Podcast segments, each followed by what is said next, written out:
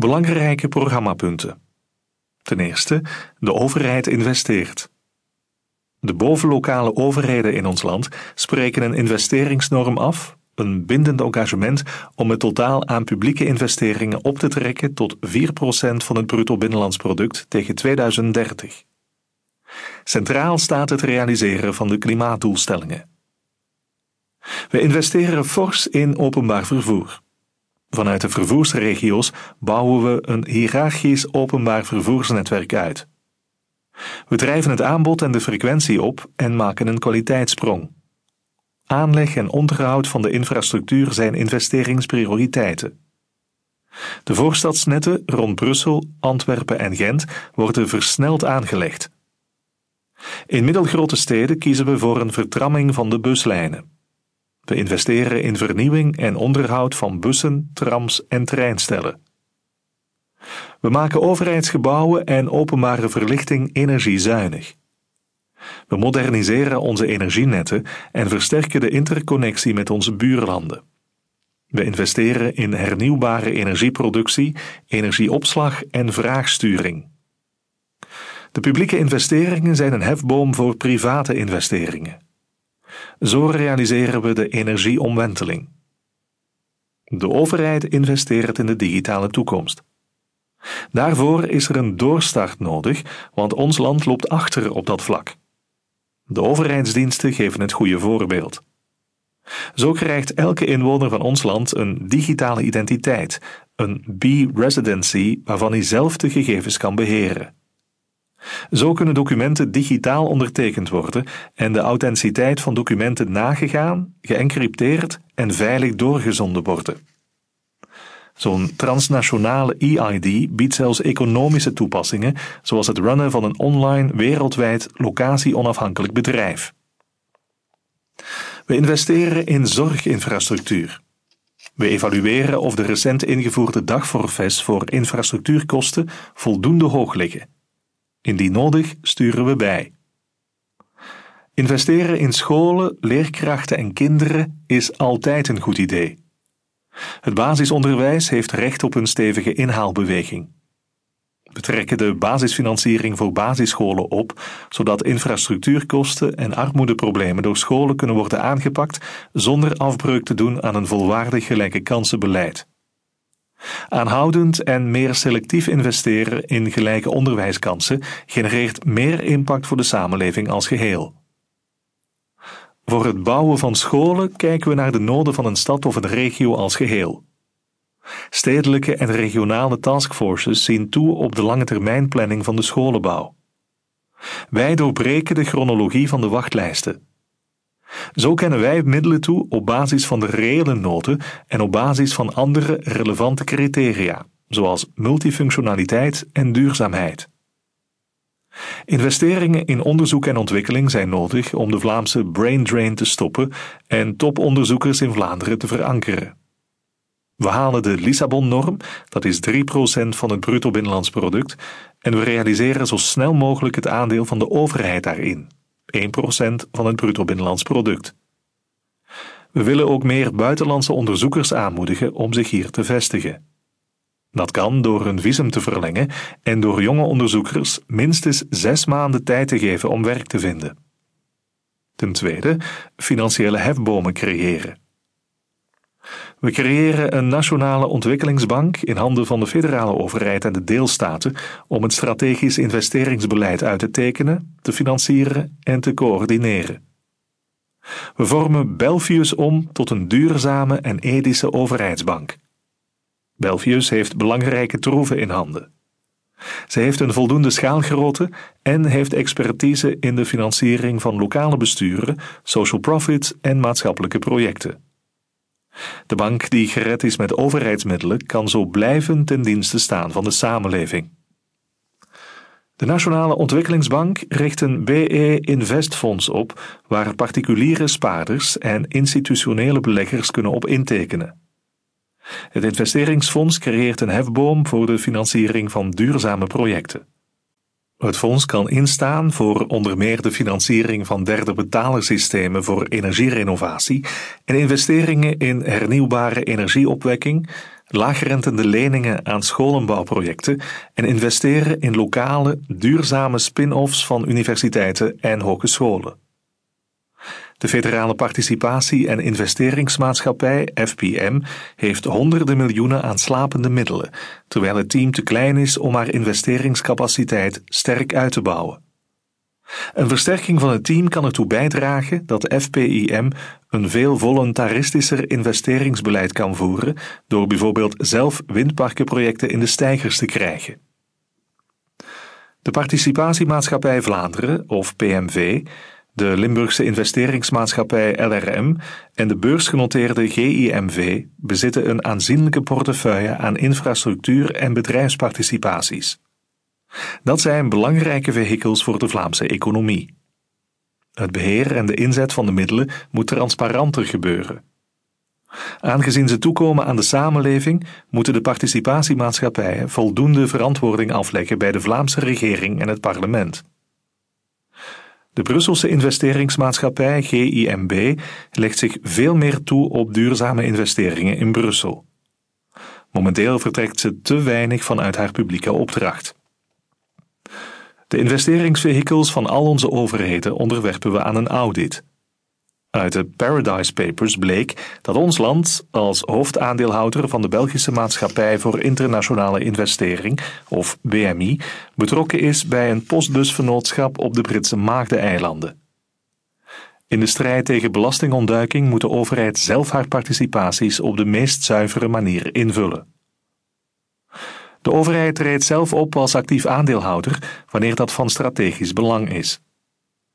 We behouden de meerderheidsparticipaties in Proximus en Bpost en versterken de rol van de onafhankelijke regulator. Dat biedt een meerwaarde voor de burger en investeringszekerheid. Participaties puur omwille van de jaarlijkse dividendenstroom verkopen we. Ten derde, ruimte om te investeren. De overheid gebruikt steeds duurzaamheidscriteria in haar aanbestedingen. Aangezien de overheden op alle niveaus zelf belangrijke investeerders en consumenten zijn, vormt het volume aan overheidsopdrachten een belangrijke hefboom om van sociaal en duurzaam ondernemen de norm te maken. We creëren extra investeringsruimte binnen de contouren van de Europese begrotingsregels. Zo kunnen de Europese Commissie en Eurostat bijvoorbeeld sommige investeringen interpreteren als een structurele verbetering van het begrotingssaldo. Het gaat om investeringen die heel duidelijk een jaarlijkse cashflow voortbrengen, zoals investeringen in hernieuwbare energie of energie-efficiëntie. In eerste instantie putten we de mogelijkheden uit om binnen het huidige Europese begrotingskader te werken. In overleg tussen de Europese lidstaten kan de piste van een bijgestelde definitie onderzocht worden om investeringen te boeken in het ritme van de afschrijving, naar analogie van een bedrijfsboekhouding. We maken gebruik van publiek-private samenwerking, of PPS, om grote investeringsprojecten op te zetten, indien dat een duidelijke meerwaarde heeft. Zo kan het kapitaal en de know-how van de privésector worden benut voor maatschappelijke projecten. De overheid moet daarbij optreden als een goede huisvader.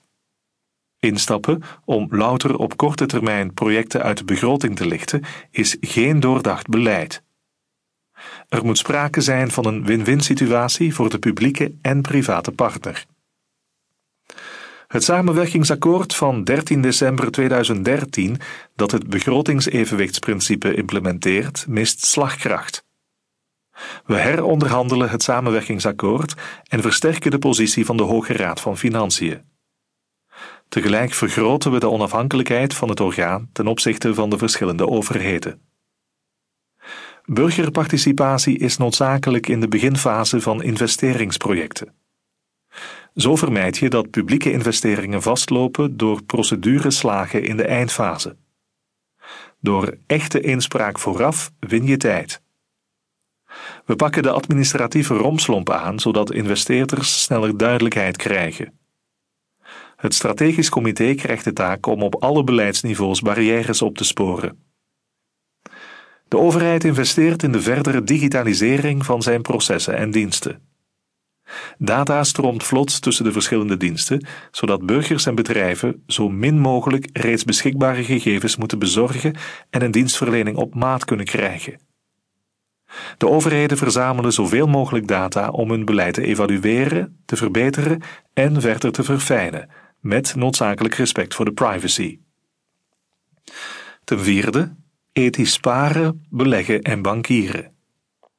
We geven meer gewicht aan duurzaamheidscriteria bij informatieverstrekking en advies over financiële producten, PRIIP's en MIFID II. Het financieel advies omvat ook niet-financiële verwachtingen van de klant, zoals ecologie, sociaal beleid en goed bestuur.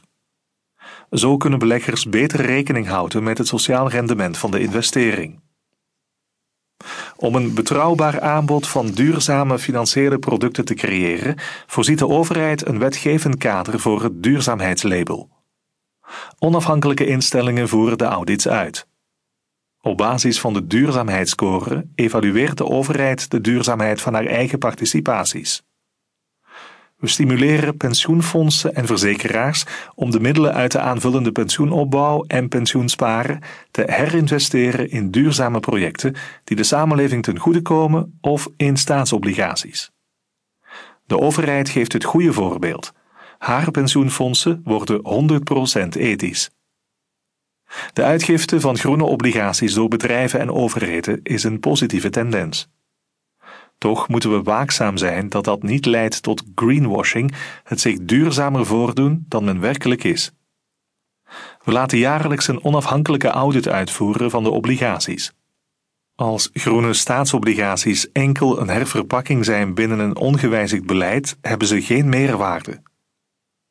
Zowel de vermogensrendementsheffing als een tussentijdse harmonisering van de roerende voorheffing voorzien een neutrale behandeling van alle spaarproducten. Daardoor vloeien extra middelen vanuit spaarrekeningen en verzekeringsproducten naar duurzame investeringsfondsen. Door divestment geeft de overheid een krachtig signaal en verlaagt ze haar blootstelling aan de koolstofzeebel. De overheid, alle pensioenfondsen en de banken en verzekeraars waarvan de overheid aandeelhouder is, trekken zich terug uit alle investeringen in fossiele brandstoffen. De vrijgekomen middelen worden geïnvesteerd in de sectoren van de toekomst. Voor het financieel beheer van publieke fondsen door de overheid gelden de principes van ethisch en duurzaam beleggen. We laten de kapitaalvereisten voor de financiële sector niet uithollen door kortingen voor kredietverlening aan bepaalde sectoren. Om de financiële stabiliteit te vrijwaren zijn banken verplicht een bepaalde hoeveelheid kapitaal aan te houden. Zo zijn ze voldoende bestand tegen economische schokken en valt de kredietverlening niet plots stil als de groei vertraagt. Het is beter om bijkomende buffers op te leggen voor de blootstelling aan de fossiele sector dan een verlaging van de kapitaalvereisten toe te staan voor groene projecten. De toepassing van de Baselnormen moet kordaat gebeuren.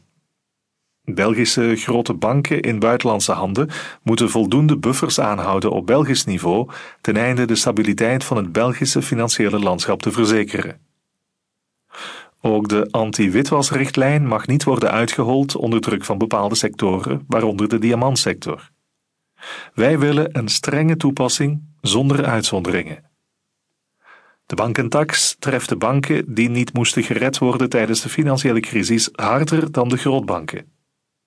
Een bankentax houdt beter rekening met het risicoprofiel van de bank.